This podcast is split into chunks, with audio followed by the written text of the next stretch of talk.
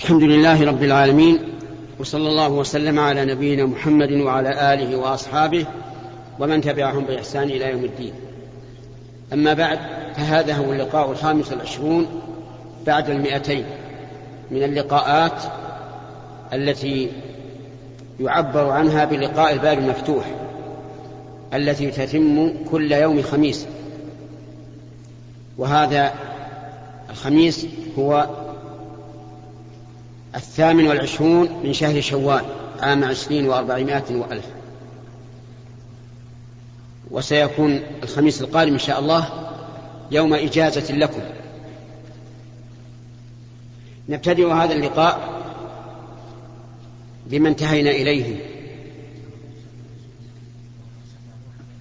أي نعم. بما انتهينا إليه عند قوله تعالى ولقد أرسلنا نوحا وإبراهيم. ولكن نظرا لقرب موسم الحج.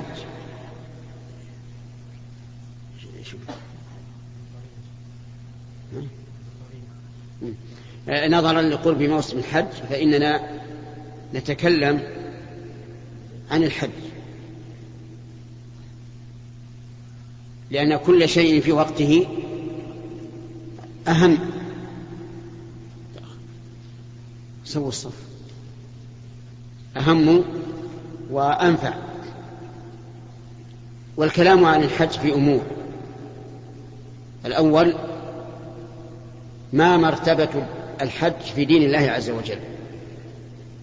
والجواب على هذا أن نقول مرتبته أنه أحد أركان الإيمان الخمسة. أحد أركان الإسلام الخمسة. لقول النبي صلى الله عليه وعلى آله وسلم بني الإسلام على خمس شهادة أن لا إله إلا الله وأن محمد رسول الله وإقام الصلاة وإيتاء الزكاة وصوم رمضان وحج بيت الله الحرام.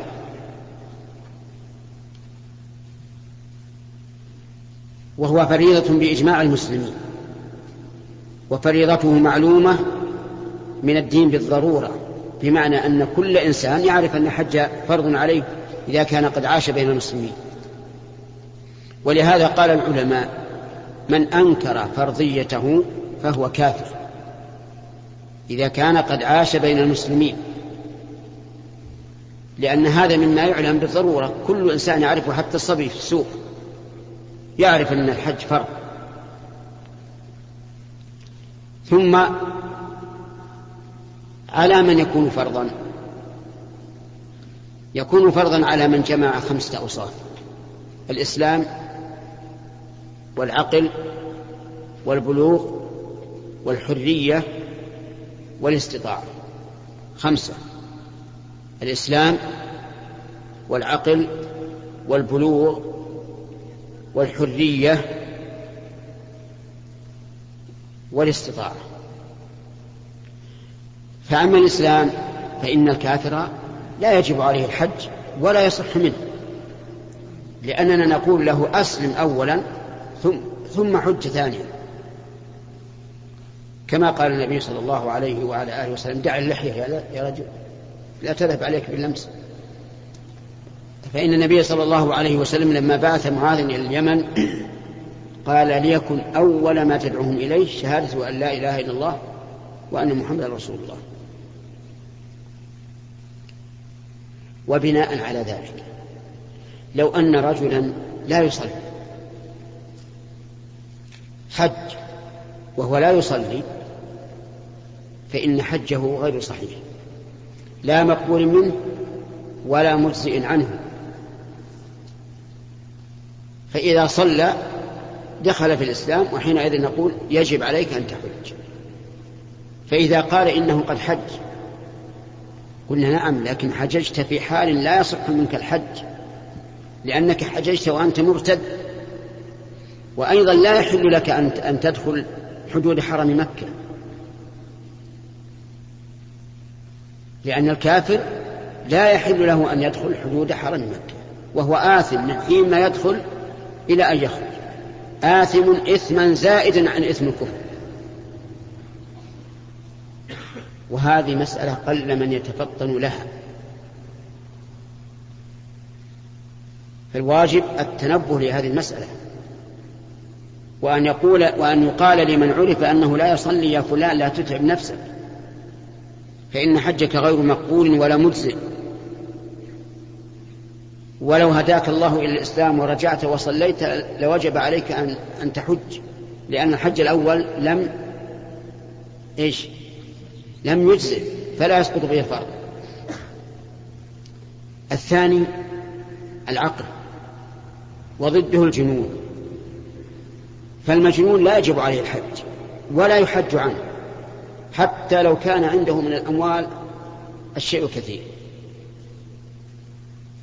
مثل أن يكون أبوه قد ورث له مالا ولكنه مجنون فلا حج عليه ولا يصح منه الحج.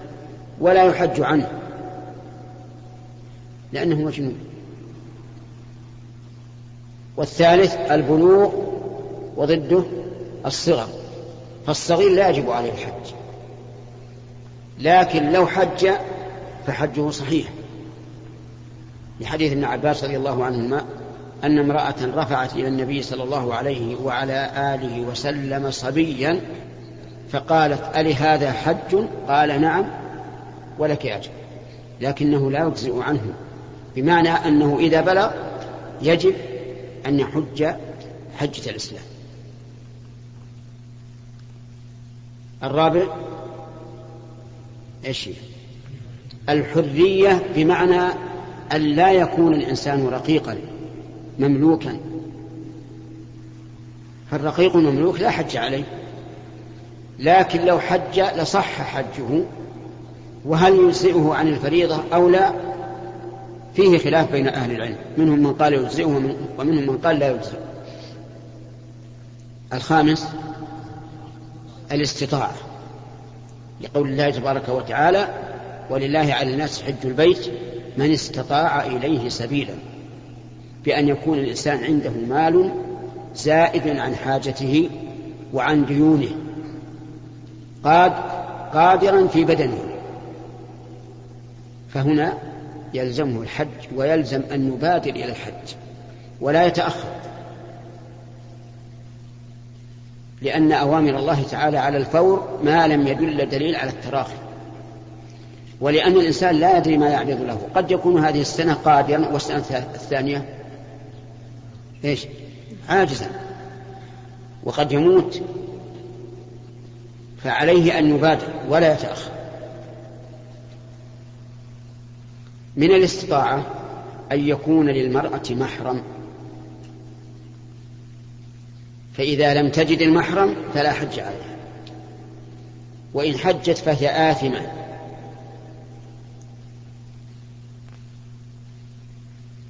لو ماتت وهي غنية قادرة لكن ليس عندها محرم فهل تحاسب على ذلك أو لا؟ فالجواب لا تحاسب. لأنها لا تستطيع الوصول إلى البيت. من منعها؟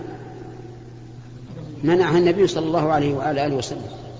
قال لا تسافر امرأة إلا مع المحرم.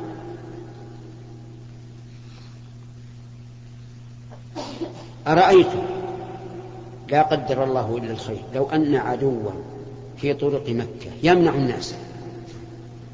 هل يلزم الإنسان أن يحج؟ الجواب لا لا يلزم. فإذا كان العدو المانع حسا يسقط به فريضة الحج فالمانع شرعا تسقط به فريضة الحج. فلتهنأ المرأة التي لا تجد محرما ولتطمئن ولتعلم أن الله لن يحاسبها على ترك الحج لأنها غير قادرة شرعا. ثم ننتقل إلى متى فرض الحج على المسلمين. متى فرض؟ هل هو في أول البعثة أو قبل الهجرة؟ أو بعد الهجرة؟ أم ماذا؟ فنقول التوحيد والرسالة الشهادة بهما من أول البعثة. من أول البعثة فرض على المسلمين فرض على الناس شهادة أن لا إله إلا الله وأن محمد رسول الله. الصلاة متى فرضت؟ فرضت ليلة المعراج. قبل الهجرة إما بسنة أو نحوها. الزكاة فرضت على المسلمين في السنة الثانية من الهجرة. والصيام كذلك في السنة الثانية من الهجرة. الحج فرض في السنة التاسعة من الهجرة. شوف يا ولد أركان الإسلام. أركان الإسلام؟ كيف كيف كان ترتيبها في الفريضة أول ما فرض ما هو؟ نعم. أي نعم. الترتيب الأخ. ترتيب أركان الإسلام فرضيتها متى؟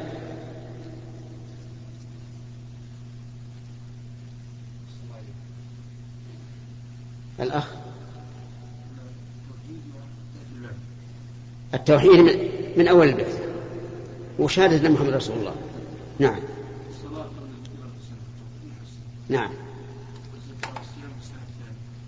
نعم. تمام. صحيح.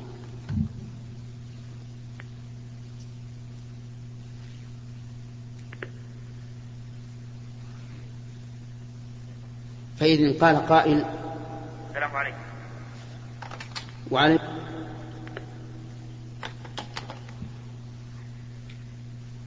فإن قال قائل لماذا تأخر فرض الحج إلى السنة التاسعة؟ فالجواب أن مكة شرفها الله كانت إلى الفتح تحت سيطرة المشركين. ولا يتمكن المسلمون من الحج لأن المشركين صدوهم عن العمرة فضلا عن الحج. إذا قال قائل لماذا لم يحج النبي صلى الله عليه وسلم في السنة التاسعة؟ فالجواب تأخر في المدينة لكثرة الوافدين من المسلمين إلى المدينة ليعلمهم دينهم. هذا من وجه من وجه آخر في السنة التاسعة يا إخواني حج مع المسلمين المشركون. وفي هذه السنة نادى المنادي أن لا يحج بعد العام مشرك. فصار العام العاشر خاليا من المشركين وهو الذي به وهو الذي فيه تمت حجة النبي صلى الله عليه وعلى آله وسلم. ولم يحج معه إلا, المسلمون ولم يطف بالبيت عريان. وكان العرب في الجاهلية بعضهم يطوف بالبيت عريان لأنهم يقولون لا يمكن أن يطوف الإنسان إلا بثياب من ثياب الحمص. فإذا لم يجد ثوبا طاف عريان. وكانت المرأة تطوف وتضع يدها على فرجها وتقول اليوم يبدو بعضه أو كله وما بدا منه فلا أحله جهلا. ثم نقول كيف الحج؟ والجواب الحج أن تحج كما حج النبي صلى الله عليه وعلى آله وسلم. وذلك لأن من شرط قبول العبادة بل شرط قبول العبادة اثنان.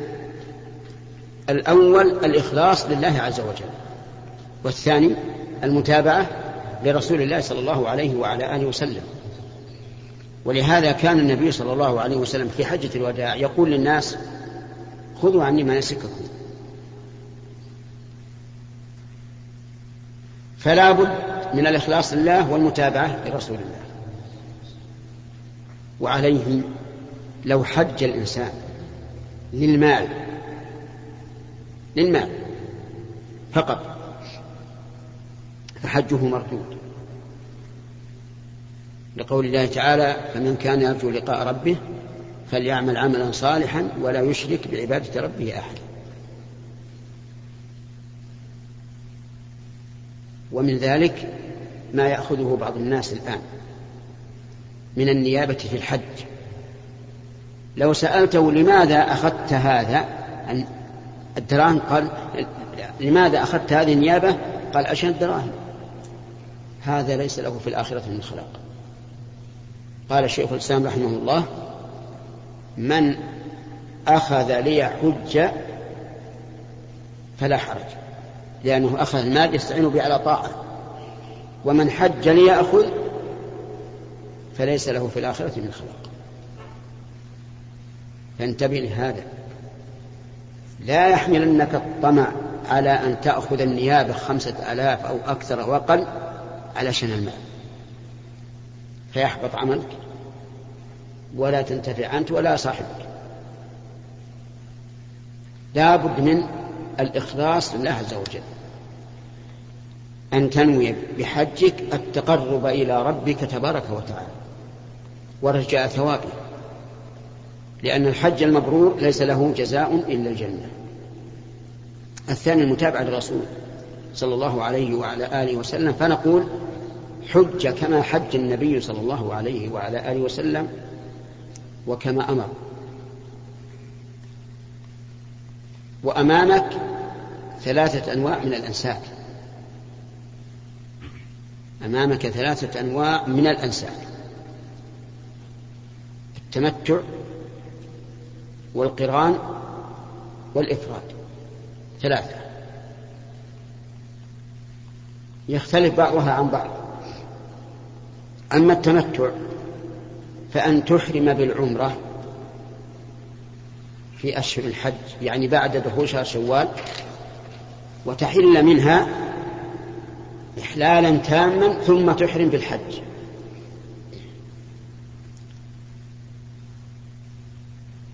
وفيه هدي للقادر عليه ومن لم يجد صام ثلاثة أيام في الحج وسبعة إذا رجع إلى أهله. الثاني القران. تحرم بالحج والعمرة جميعا من الميقات. وتبقى على إحرامك حتى تحل يوم العيد. وفيه هدي. لمن لمن وجد ومن لم يجد صام ثلاثة أيام في الحج وسبعة إذا رجع. الثالث إيش؟ الإفراد. وهو أن تحرم بالحج وحده بدون عمرة. وتبقى على إحرامك إلى يوم العيد ولكن لا هدي فيه. لا هدي فيه. لماذا؟ لأن أصل الهدي في التمتع والقران هو شكر الله عز وجل على ما أنعم به على العبد من تحصيل النسكين في سفر واحد. ولهذا يجوز للإنسان أن يأكل من هدي التمتع ويهدي ويتصدق وليس كالدم الواجب لفعل محظور أو ترك واجب لأن هذا لا يأكل منه الإنسان بل يعطيه بل يطعمه الفقراء. وأفضل هذه الأنساك التمتع وإن أفرد أو قرن فلا حرج. لكن الأفضل أن يتمتع لأن هذا هو الذي أمر به النبي صلى الله عليه وعلى آله وسلم أصحابه في حجة الوداع. ويأتي إن شاء الله تعالى صفة الحج صفة التمتع والقرآن والإفراد على وجه التفصيل في لقاء قادم. كما يأتي إن شاء الله الكلام على محظورات الإحرام لأن الآن قد حان وقت الأسئلة. ونبدأ باليمين ولكل واحد سؤال واحد السلام عليكم شيخ ما ما ما دخل الآن يا شيخ التلبية المتمتع متى يقطع الت... في العمرة متى يقطع التلبية؟ إذا نعم. بدأ في الطواف أم إذا رأى البيت؟ وأيضا الحاج متى يقطع التلبية؟ يقطع الت... المعتمر يقطع التلبية إذا شرع في الطواف. إذا شرع في الطواف. والقارئ أو المفرد أو المتمتع يقطع التلبية إذا رمى جمرة العقبة. عند شروعه في جمرة العقبة يقطع التلبية. قبل الرمي قبل الرمي يسار.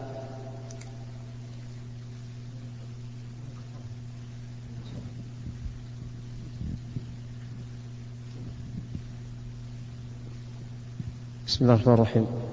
أه، سؤال خارج موضوع الدرس. يتعلق مسألة الخادمات وجودها الآن في البيوت وتساهل في أمر المحرم لكن إذا جاء بها وصارت غير متحجبة وليست ملفتة النظر في جمالها ولا يأبه بها فتبقى بدون غطاء على وجهها. هذا يسأل عن الخادم هل يجوز أن أن تحضر بدون محرم وتبقى في البيت بدون محرم؟ نقول لا لا لا. لا بد من محرم. وإنما حملنا على تأكيد ذلك ما سمعنا من الفضائل في المرأة الخادم إذا جاءت بلا محرم فلا يحل للإنسان أن يستجلب خادمة إلا بمحرم فإن كان قادرا على مؤونتهما جميعا فذاك وإن لم يقدر فلا يأتي بها قد عاش الناس أزمنة طويلة بدون خوادم نعم. ولكن ليست يعني يبه لا لا لا لا تكشف وجهه. حتى ولو كان معه محرم لا تكشف الوجه. ولا ينظر إليه نظر شهوة ولا الخادم غيرها سواء لا لا لا تكشف وجهه. ولا تقل ما فيه محذور. الشيطان يجري من آدم مجرى الدم. بعد على اليمين. إيش؟ مسح الخفين نعم. إذا حال عليها يوم كامل انتهت المدة طلع صلاة الفجر وطلع الوقت. ذكرت بعد طلوع الوقت هل عيد صلاة الفجر؟ يعني مسحت بعد تمام المدة. في في الخفين إذا مسح الإنسان بعد تمام المدة فإنه يعيد وضوءه ويغسل قدميه ويتو... ويصلي من جديد. يعيد الصلاة. أي ولو خرج وقت. يصليها قضاء. ذكر وقت الصلاة. يقطع الصلاة. إذا ذكر وقت الصلاة يقطع الصلاة ويتوضأ ويغسل قدميه ويبدأ الصلاة من جديد. بعد. شيخ السلام من صلى العيد في يوم جمعة وأراد أن يصلي الظهر هل تجب عليه الجماعة أو له يصليها لوحده نعم. آه إذا صادف العيد يوم الجمعة وصلى الإنسان مع, مع الناس يوم العيد فإن شاء حضر للجمعة وهو أفضل. وإن شاء لم يحضر وصلى في بيته منفردا ولا حرج. لأن الجماعة لم تقام في البلد. الذي يقام في البلد هو الجمعة. فمن حضرها صلى جمعة ومن لم يحضر صلى ظهرا نعم. أصلا لا تقام في مسجد الحي. تمنع. تمنع نعم. لأنه لا يمكن أن تقام جمعة وجماعة في بلد واحد. أقول لا يمكن أن تقام جمعة وجماعة في مسجد واحد. نعم. لا يحضر. شيخنا نعم. الله. ما تفسير قوله تعالى؟ وبدأ لهم من الله ما لم يكونوا يحتسبون. نعم. يعني ظهر لهم من العذاب ما لم يكونوا يظنونه. يعني عذاب ما خطر لهم على نعم. سار الصف الأول عليك فضيلة الشيخ. المرأة إذا كانت ذات مال ولا محرم معها أفلا نقول أنها تنيب عنها من يحج عنها إذا كانت ذات مال نعم لكن وليس لها محرم تنيب من يحج عنها نعم. يعطيه مالا فيحج لا ما يجوز. آه يعني ما يجب قصدي ما يجب. السبب في ذلك لأنه غير واجب عليها الحج الآن. ما تستطيع. نعم. يسأل عن المرأة لها مال ولكن ليس لها محرم. هل يجب أن تقيم من يحج عنها؟ فالجواب لا, لا يجب. في نفس من هذا الشيء. الشيخ أحسن الله إليك. ورد في الحديث أن الملائكة تستغفر المصلي ما دام في مصلاه هل المقصود المصلى مكان الصلاة أو المسجد عموما؟ آه هو ثبت في الصحيحين أن الرجل إذا توضأ في بيته وأسبغ الوضوء وخرج من بيته إلى المسجد لا يخرجه إلا الصلاة. لم يخطو خطوة إلا رفع الله له بها درجة وحط عنه بها خطيئة. فإذا دخل المسجد وصلى فإن الملائكة تصلي عليه ما دام في مصلاه. تقول اللهم صل عليه اللهم اغفر له اللهم ارحمه. مصلاه هل المعنى ما دام في صلاته أو المعنى, ما دام في في مكان صلاته؟ يعني بمعنى أنه انتهى من الصلاة وجلس. أو المعنى ما دام في المسجد الذي هو أعم من مكان صلاته كل هذا محتمل ونرجو الله سبحانه وتعالى أن يكون الأخير. أي ما دام في المسجد وفضل الله واسع. إمام المسجد إذا سلم من الصلاة ثم غير مكانه يعني ينطبق عليه أنه باقي في المصلى. إمام المسجد كيف؟ إذا انتهت الفريضة ما ما بقي شيء ما يكتب. تصلي عليه ما دام في مصلاه منتظرا للفريضة. إذا انتهت الفريضة خلاص ما عاد يكتب آه، ثواب البقاء في المسجد.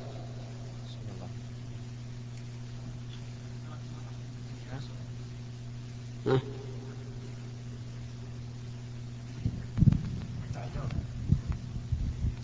أحسن الله إليك يا شيخ. هل العاقلة تلزم بدفع الدية إذا كان إذا وقع على شخص حادث علما بأن العائلة أو القبيلة يوجد لديها صندوق خيري وهذا الشخص رفض الدخول في هذا الصندوق. يسأل القاضي. أحسن لك يا شيخ صلاة المرأة في منزلها بما يسمى بالبجامة. عبارة عن بما يسمى بالبجامة. عبارة عن بنطال وفنيلة من غير غطاء يشمل جميع البدن. أنا لا أرى جواز البنطال. لا في الصلاة ولا خارج الصلاة. بس انتهى. يعني إذا لا تصلي.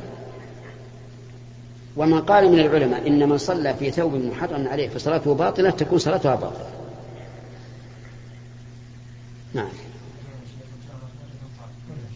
هو يسأل عن البنطال ولا أحد يعلق. أنا أجيب عن سؤال السائل. الله يمين. واحد يمين واحد يسار. شيخ أحسن الله إليك. بعض الطالبات تهدي إلى مدرساتها بعض الطالبات. تهدي تهدي. هدية إلى مدرس إلى المدرسة. نعم. هل في ذلك شيء؟ نعم. لا يجوز للمدرسة أن تقبل هدية من الطالبة. لأن هذا داخل في عموم الحديث الذي أخرجه أحمد في مسنده هدايا العمال غلول. ولأن الهدية توجب المودة. كما جاء في الحديث تهادوا وتحابوا فإذا ازدادت المحبة لهذه التلميذة يخشى عليها أن تحيف فيجب عليها أن ترفض. أي نعم. يعني يجب على المعلمة أن ترفض الهدية وتقول لا أقبل. نعم. أحسن الله عليك يا شيخ. ما تفسير قوله تعالى ولا تجهر في صلاتك ولا تخافت بها وابتغ من ذلك سبيلا؟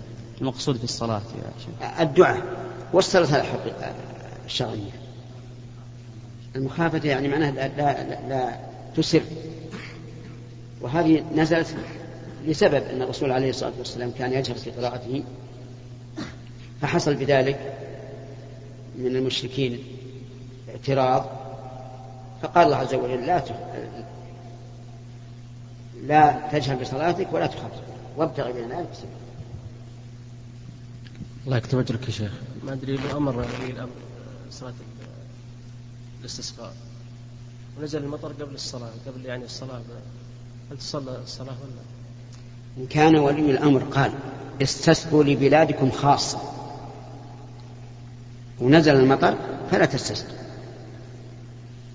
لكن هل يرد أمر ولي الأمر أن تستسقي لبلدك خاصة؟ أجب أنت مثلا من أي بلد؟ من الرياض. قال ولي الأمر استسقوا للرياض فقط. اقلب الشريط من فضلك.